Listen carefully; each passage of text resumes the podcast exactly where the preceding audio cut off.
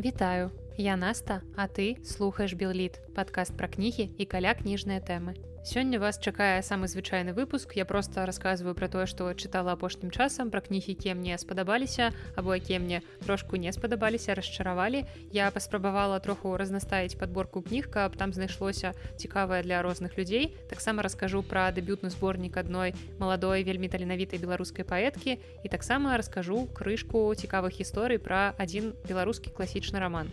Ну і як жа без расчараванняў я вам раскажу пра той рэдкі выпадак, калі мяне абсалютна не ўразіў нон-фікшн на адну з маіх любімых тэм на тэму медыцыны. І пачнём акурат з таго рамана, героя якога падаліся мне неверагодна жывымі.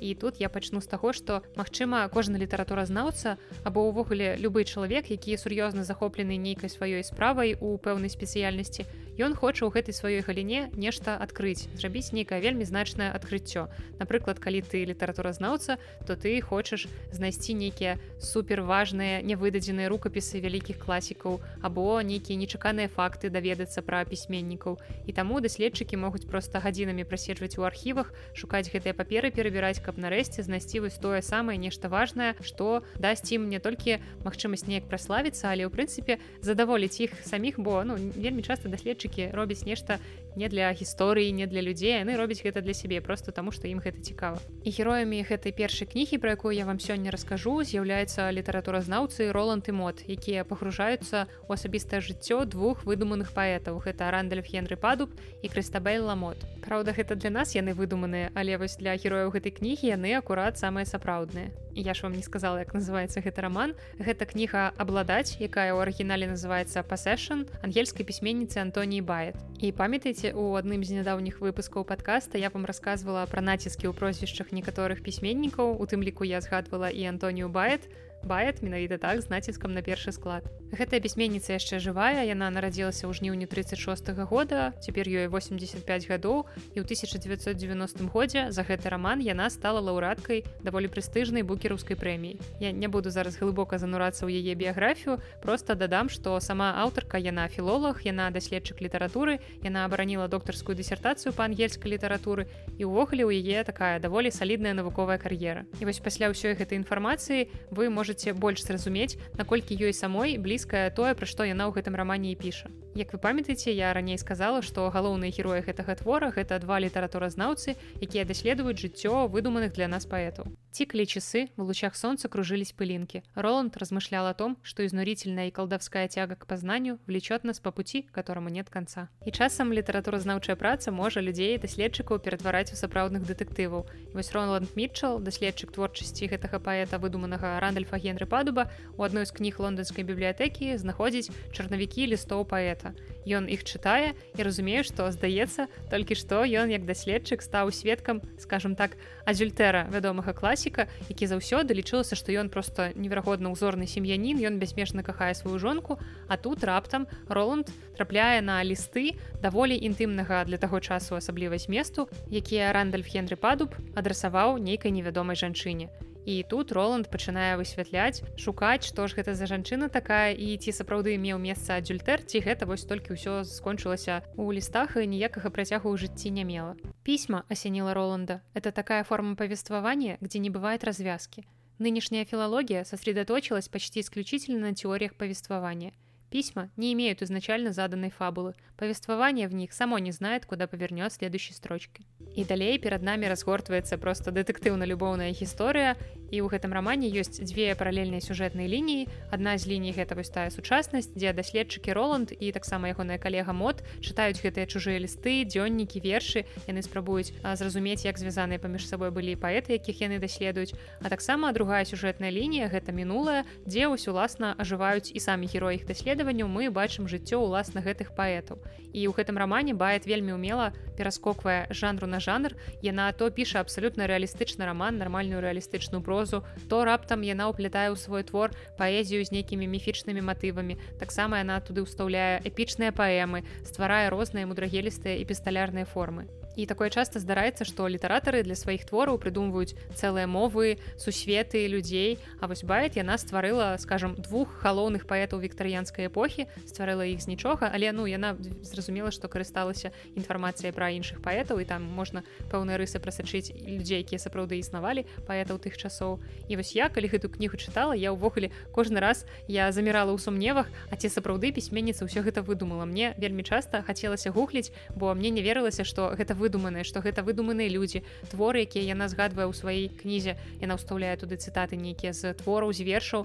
Гэта ўсё выдуманае. Я не хацела ў гэта верыць бо я думала што гэта рэальныя людзі. І героі яны вельмі добра прапісаныя настолькі добра што калі ты чытаеш іх лісты урыўкі іх твораў ты ну ніяк не можаш змірыцца з тым што гэта ўсяго толькі персонажы кнігі што гэта не сапраўдныя літаратары гэта просто фантастыка конечно что я пишу не романы а стихи это лишь от любви к музыке слова ибо поэт отличается от романиста тем что забота первого жизнь языка а второго улучшение нравов. Гэта вось акурат урывак з аднаго з выдуманых лістоў гэтага рандальфа генры падуба. Ну а таксама что мне было як чалавеку які мае пэўнае дачыненне да навукі скажем так было цікава тое что гэты роман гэта яшчэ і такія скажем з'едлівыя нападкі на акадэмічны свет у якім людзі дзеля таго каб займець нейкія пасады нейкія навуковыя адкрыцці зрабіць яны гатовыя ну літаральна грысці глоткі адзін аднаму.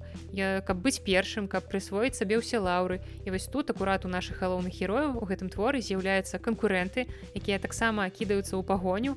Яны спадзяюцца раскрыць таямніцу гэтых загадкавых лістоў бо паэты гэтыя былі даволі вядомымі важнымі людзьмі. Але пакуль чытаеш гэты твор то ўвесь час узнікае пытанне ці варты ўздым на чарговую гэтую прыступку кар'ернай лесвіцы таго каб ачарняць аблічча класіка. Гэта даволі сур'ёзная маральная дылема і я подумала про тое што вось вельмі часта калі мы знаходзім нешта вартае гэта песня верш фільм што заўгодна кніга і мы хочам гэта пакінуць сабе. Бо вось бываюць раманы так. Напрыклад я зараз рассказываю вам про гэты роман які я прачытал і мне хочацца подзяліцца інфармацыяй про гэты роман мне хочацца на кожным кроку напрыклад ну гэты роман не настолькі мне спадабаўся але ёсць такія кнігі якімі мне хочацца дзяліцца з усімі просто рассказывать любым незнаёмым людзям у транспарце ў метро тым хто заходзіць да мяне на працу казаць что вось гэтая кніжка абавязкова е прачытайце она таго вартая. Але вельмі часта бывае такое что мы знаходзім нейкую кнігу якая просто сапраўдны скарб якім мне не хочацца дзяліцца. Мне хочацца яго пакінуць толькі сабе і вось так вельмі часта бывае у даследчыкаў калі ты знайшоў нешта важное і вось так здарылася з роландам які хоча пакінуць гэтыя лісты ў спакоі каб ніхто не ведаў пра нейкае такое здарэнне якое магчыма адбылося вось у жыцці гэтага рандальфа генры падуба. Ну і таксама увогуле ў рамане вельмі шмат цікавых разваг пра літаратуру пра пісьменнікаў. Тут вельмі моцна адчуваецца гэты літаратурны бэкграунд самой аўтаркі.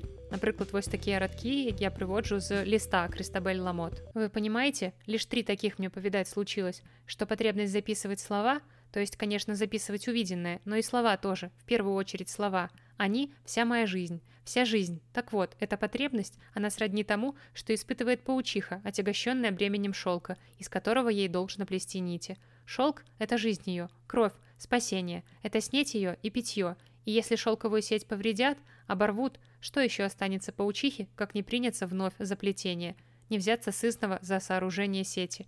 Она, скажете вы, существо терпеливое – Да, терпеливая, и притом дикая, такова ее натура. Она должна плести, понимаете? Иначе она умрет от преизбыточества. Мне падаліся вельмі цікавымі гэтыя разважанні і гэтае параўнанне пісьменніка, які піша таму, што не можа не пісаць. Ён піша не дзеля таго, каб гэта чыталі, не дзеля нейкіх літаратурных узнагарод, не дзеля ганарару, а таму, што проста па-іншаму ён, ну можна сказаць, яго разарве знутры ад усяго таго, што ён у сабе захоўвае гэта вельмі класная цікавая думка і ўвогуле гэтая кніга? Я зараз вам тут зачытвала такія пафасныя урыўкі але насамрэч там хапае даволі такіх дынамічных звычайных сюжэтных момантаў. І гэтая кніга з якой у прынцыпе лепш працаваць даволі старанна каб кожны элемент гэтага пазла стаў на месца. Бо трэба тут уважліва ставіцца да кожнай устаўкі. Нават няхай гэта будзе просто эпіграф да чарговага раздзела або чарговыя паэтычныя радкі. Тут у гэтай кнізе няма нічога лішняга ўсё для чагосьці тут ёсць і тут не атрымаецца ўсё прагартаць усю паэзію напрыклад як нейкія апісанні прыроды ў рамане вайна і мір без страты сэнсу. Але праца гэтая такая важная абавязкова будзе ўзнагароджаная тым што вы прачытаеце добрый твор. Подумайте, только подумайте. Автор писал свое сочинение в одиночестве, и читатель прочел его в одиночестве, но таким образом они оказались наедине друг с другом.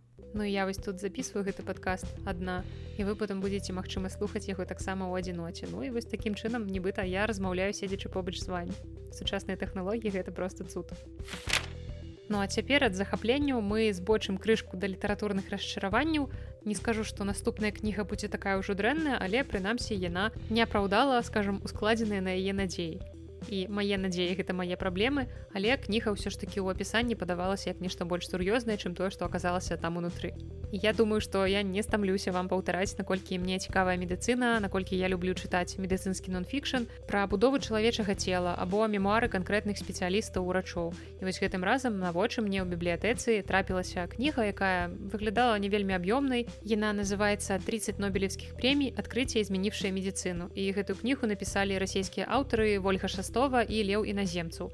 Вольга яна фізіолог, яна кандыдат медыцынскіх навук і вельмі актыўна займаецца асветніцкай дзейнасцю ў галіне медыцыны. Уласна ўрачом яна зараз не працуе, але яна кіруе розныя праекты, якія расказваюць людзям больш пра медыцыну. Ну алеў скончыў магістратуру маскоўскага фізіка-тэхнічнага інстытута, факультэт біялагічнай медыцынскай фізікі і абраніў магістарскую дысертацыю. Такім чынам гэтую кнігу напісалі людзі недалёкія ад медыцынскай сферы і яны вырашылі расказаць чытачам гісторыю нобелеўскай прэміі акурат у галіне медыцыны і фізіялогіі А мне ў дзяцінстве здавалася, што ўвогуле нобелеўская прэмія існуе толькі адна, што ёсць толькі самае важнае гэта нобелеўская прэмія па літаратуры. Яны ў мяне менавіта ў такой звязцы гучалі. Я не ўяўляла, што можа быць нешта іншая нобелеўская прэмія па чымсьці яшчэ. Нобелеўская прэмія па літаратуры як вось адзінае такое цельнае непадзельнае спалучэнне. Бо я даволі часта чула канкрэтна пра гэтую прэмію і пагадзіцеся, што калі ты спецыяльна не цікавішся гэтай прэміяй, то больш за ўсё ты ведаеш все роўна акурат літаратурных лаўрэатаў але затое потым мне ўжо адкрыўся цэлы свет дзе ёсць і прэмія па хіміі і прэмія свету і па фізіялогіі медыцыне пра якую вось акураты пойдзе размова ў гэтай кнізе. І мне спадабалася што з першых жа старонак гэтай кнігі гаворачы пра нобелеўскую прэмію наогул аўтары развеюваюць гэты дурны міф які я думаю вы таксама яго чулі і маўляў нобелеўка па матэматыцы не ўручаецца таму што ў нобеля матэматыку маладосці адбіў дзяўчыну гэта все абсалютная лухта аўтары кнігі мяркуюць што нобель папросту не бачыў прамога прымянення на практыцы для матэматыкі. Ён лічыў, што матэматыка гэта такі дапаможны інструмент прылада для фізікі, для хіміі, для разлікаў. Таму не мела сэнсу ствараць асобную прэмію, асобную намінацыю для вось гэтай матэматыкі.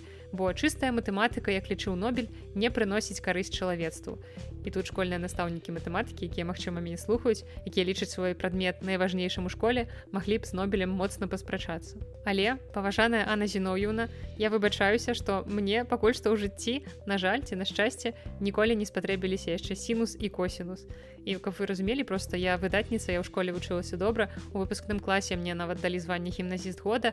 Але я маю одну такую прыкрую балючую старонку маёй біяграфіі гэта сямёрка па матэматыцы просто жесть. У мне таких азнакаў ніколі не было як сямёрка ўсё нашмат вышэй было.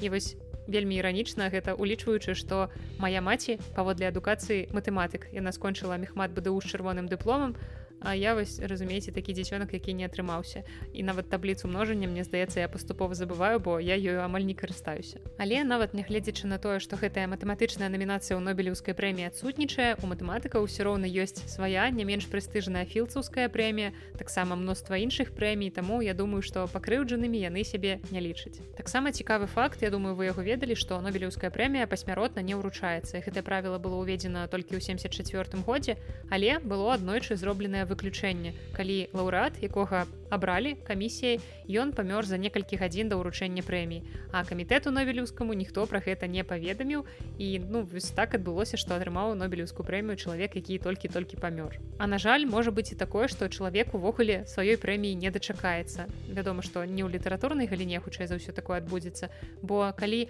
навукоўцы робяць адкрыцці ў нейкім такім салідным узросце Таму што ў наш час часцей прэмію уручаюць недзе з затрымкай гадоў 10 Таму што на гэты час крыццё якое яны зрабілі яно ўжо можа быць пацверджанае яно пацверджана навуковай супольнасцю або жыццём і вось ну 10 гадоў гэта такі прыкладны перыяд калі гэта можа адбыцца таму навукоўцы якія робяць свае адкрыцці у пажылым узросце яны просто могуць не дажыць да таго дня калі будзе належна ацэнена іх адкрыццё і ім дадуць нобелеўскую прэмію Ну а першая прэмія была ўручана ўвогуле 110 гадоў таму ў 1901 годзе і ў свеце на дадзены момант ужо амаль тысяча нобелеўскіх лаўрэатаў і сярод іх некалькі дзясятку арганізацый нават. І калі ў літаратуры нам здаецца, што ў прынцыпе ўсё даволі празрыста адназначна ты просто пішаш прозу або пішаш вершы або як у выпадку з бобам дзіланам ты пішаш песні.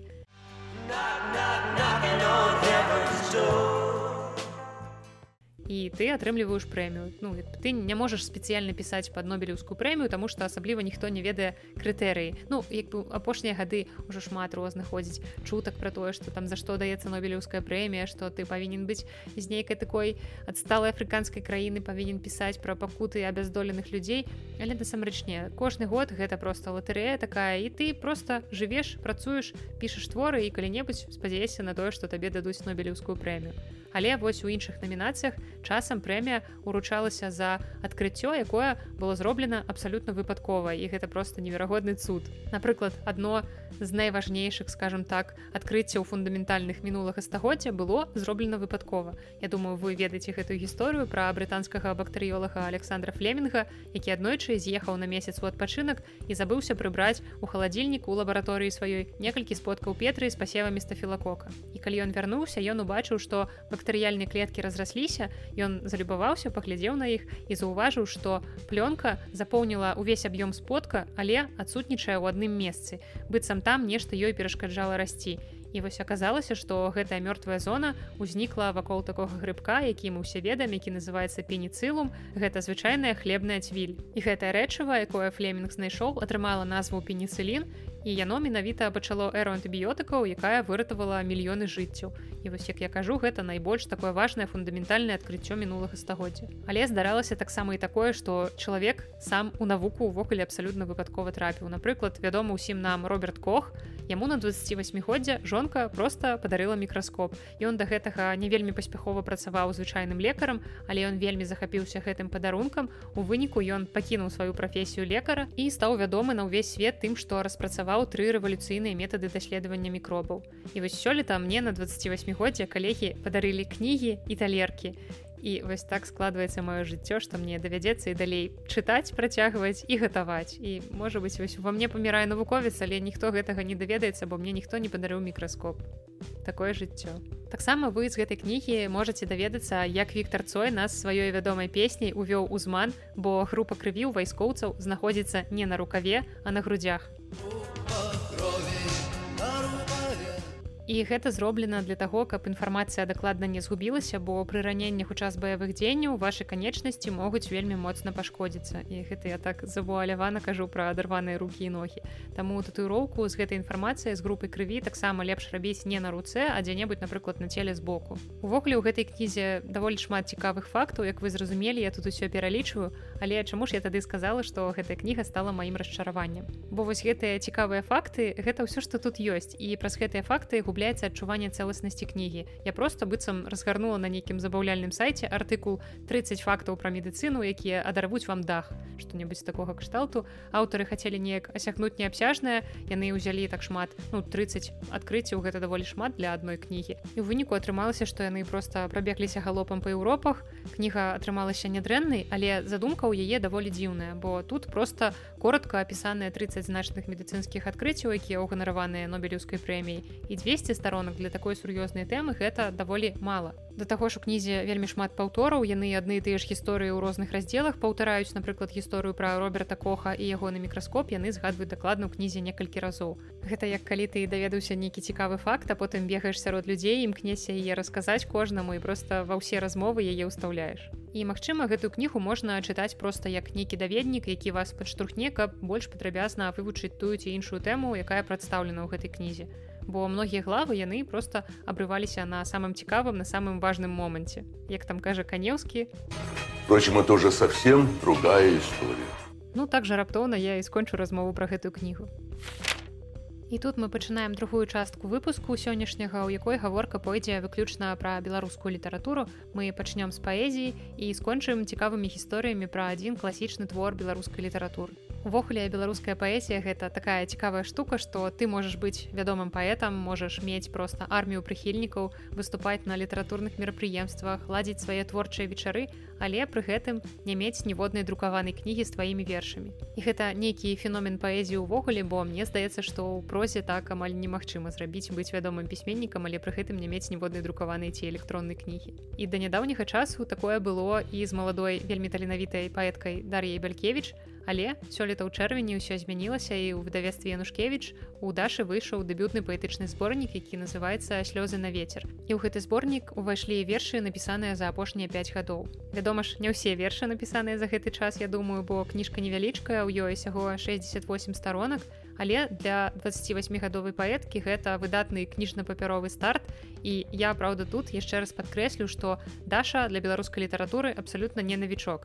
І асабіста я вельмі радуюся што цяпер яна ўсё ж таки мае кнігу бо я вершы дашы слухала на розных мерапрыемствах не адзін раз у яе выкананні. І мне ўжо тады гэта ўсё вельмі падабалася.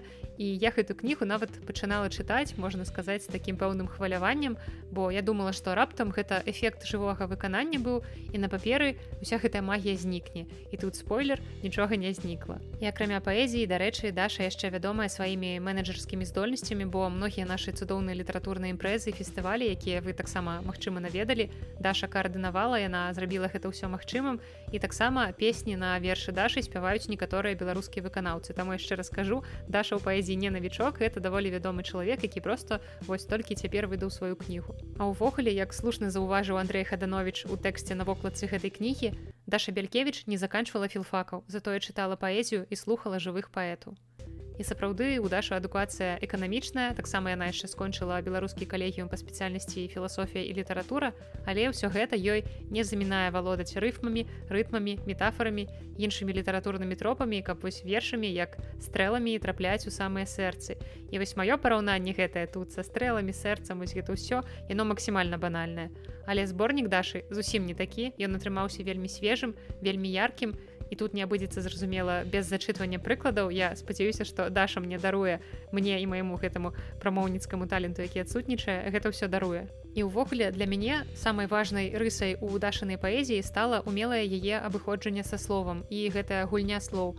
Мне вось гэта нават все крыўдна называць словам каламбур Хаця гэта ну як бы літаратуразнаўчы тэрмін гэта літаратурны прыём але ён у наш час ужо цягне за сабой шэраг такіх непатрэбных канатацый якія да яго даўно прывязаліся нібыта каламбур гэта нейкі такі жарт хаха тут з дашай гэта все абсалютна не так. Якія тут жарты калі даша піша пра вельмі сур'ёзныя вельмі актуальныя рэчы яна адгукаецца часта на палітычныя падзеі таму побач з нейкімі рамантычнымі вершамі тут ёсць сур'ёзная такая грамадзянская лірыка і атрымліваецца зусім не смешна але вельмі дасціпна вось напрыклад наступнае трохрадкоўе якое Мачыма вы ўжо недзе бачылі ды не ведалі што гэта напісала даша белькевич працэс літаратурны літаратурмы літара труны.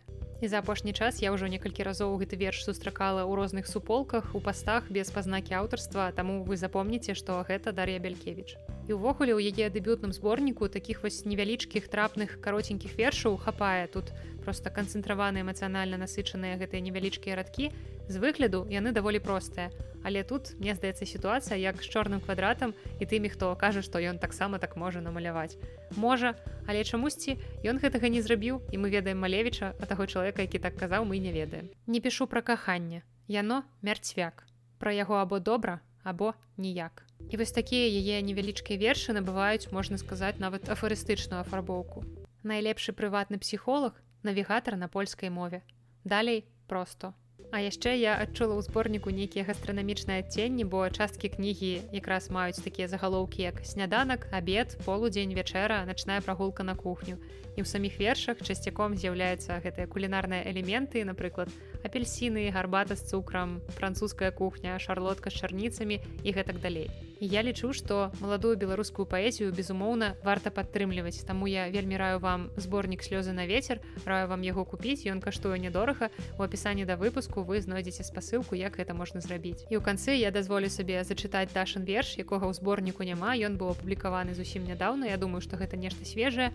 По ўдашаным пабліку кантакце быў ён апублікаваны 27 верасня будаўнічы кран гадзіла ўзіраецца ў горад тут правіць прывідамі і руінамі Чорны певень, нават зацечанай галавой адчувае голад. Бог выйшаў выкінуць смецце і вырашыў не вяртацца. Каб прарасці, як дрэва, узяў жменю глебы, сеў на першы цягнік у збой матрыцы. Хочаш застацца тут, абірай, у галоўным офісе пекла чортавай меккі, нішчы, буянь, альбо я нішчы і палуянь. Бязладдзе выпаленай зямлі. Як перайсці ад сіняга гістарызму ў чырвоны неалагізм. Нешта страшна маленькае, страшна бязгучна ў падзе. Мы будзем страшна шчаслівыя у лістападзе. Господи, я вось перачытваю радок нішчы буянь альбо я нішчы і палуянь і гэта ж просто геніяльна не Таму я чакаю новыя вершы аддашы і наступныя зборнікі. Ну і як жа без маіх прывычных звычайных цікавых фактаў у канцы выпуску. Я трэці раз прачытала выдатны твор беларускай класікі і цяпер ён выйшаў у новым прыгожым выданні ад выдавецтва папуры. Я вам пакіну спасылку ў апісанні. І трэці раз чытаючы гэтую кнігу я забываю, што я ўсё ж такі філолог, я скончыла аспірантуру і трэба мне разважаць нейкімі высокімі літаратуразнаўчымі катэгорыямі. Але калі я перагортваю апошнюю старонку гэтага твора, мне зноў проста хочацца па-чалавечы крычаць на герою вось настолькі высокі ўзровень уцягнутасці ў гэтую кнігу што каму патрэбная гэтая ваша філалогія калі тут сапраўднае жыццё і сапраўдныя эмоцыі. І што ж гэта я за твор такі загадкавы апісваю? Зараз я пачну казаць далей вы здагадаецеся гэта пачатак 30-х гадоў мінулага стагоддзя палеская вёсачка курані і ну ці нагадвае вам гэта нешта але ну як бы што я вам буду тут расказваць падрабязны сюжэт рамана Івана мележа людзі на балоце бо мне заўжды здавалася што гэта адзін з тых праграмных твораў беларускай літаратуры якія са школы ўсе плюс-мінус добра памятаюць. Нават калі яны самі не чыталі яны прынамсі ведаюць усё пра гэты твор. Васіль Ганна любоў маркоў любоўны трохкутнік балота ўсё такое але праўда ж вось гэта той твор акурат які хоць вы і ведаеце пра яго ўсё я ўсё роўна раю вам прачытаць яго самастойна бо гэта просто непаўторны выбух эмоцый. І сёлета акурат спаўняецца 60 гадоў з выхаду гэтай першай часткі трылогіі і 100 гадоў з дня нараджэння самога Івана мележа. Таму я вам сёння падрыхтавала некалькі цікавых фактаў пра гэты твор і мне здаецца што ў беларускай літаратуры назва людзі на балоце гэта ўжо пэўны бренд без якога нашу літаратуру складана ўявіць. Я думаю што гэта адзін з першых твораў якія ў галаве ў звычайнага чалавека ўзнікаюць калі просяць згадаць нейкі твор беларускай літаратуры. Але вось цяпер у наш час ці можаце вы уявіць гэты твор пад нейкай іншай назвай? Гэта вельмі складаная рэч і калі меліш упершыню прынёс рукапіс гэтага рамана ў часопіс полымя то ён яшчэ не меў нейкай адной дакладнай назвы. Ён прынёс кнігу але назва у яго было некалькі. У яго было там прыкладна 15 пазіцый назваў і больш за ўсё самога пісьменніка з гэтага спісу прываблівалі дзве назвы. Гэта людзі на балоце ўласна і туманы над бахнай і тут адразу мне згадваецца закат над балотам добра што не такі варыянт. І вось першапачаткова ўсё ж такі спыніліся на другім варыянце. Вось реально сур'ёзна мы маглі мець гэтую кнігу. Вось вы можете поверыць такое под назвай туманы над бахнай больш дэпрэсіўную назву ўвогуле складана ўявіць і дзякую што слова рэдактара ўсё ж такі на пісьменніка паўплывала і мы ведаем гэты твор як людзі на балоце але ладно назва. Мы б як-небудзь перажылі гэта але мы увогуле маглі застацца без гэтай кнігі вось такое увогуле зусім страшна ўяўляць бо ў гады напісання твора Іван меліш жыў у тым знакамітым пісьменніцкім доме на вуліцы Карла маркса 36 у менску. І аднойчы ў гэтым доме здарыўся пажар калі ў кватэры мележу нікога не было. І выпадковыя мінакі даволі аператыўна выклікалі пажарных тыя даволі хутка далі рады ўсё адбылося ўсё было добра.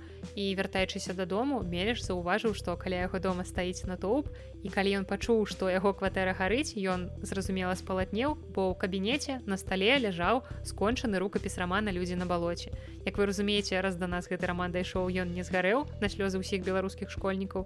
На шчасце пажар тады не дабраўся да кабінета мележа але мне здаецца што цагельны завод пісьменніку той момант дакладна адклаў выбачаюся за такія даволі плоцевыя эўфемізмы але гэта сапраўды страшна для пісьменніка і просто я не уяўляю што што рабіць такой сітуацыі калі ты напісаў роман а ён згарэў.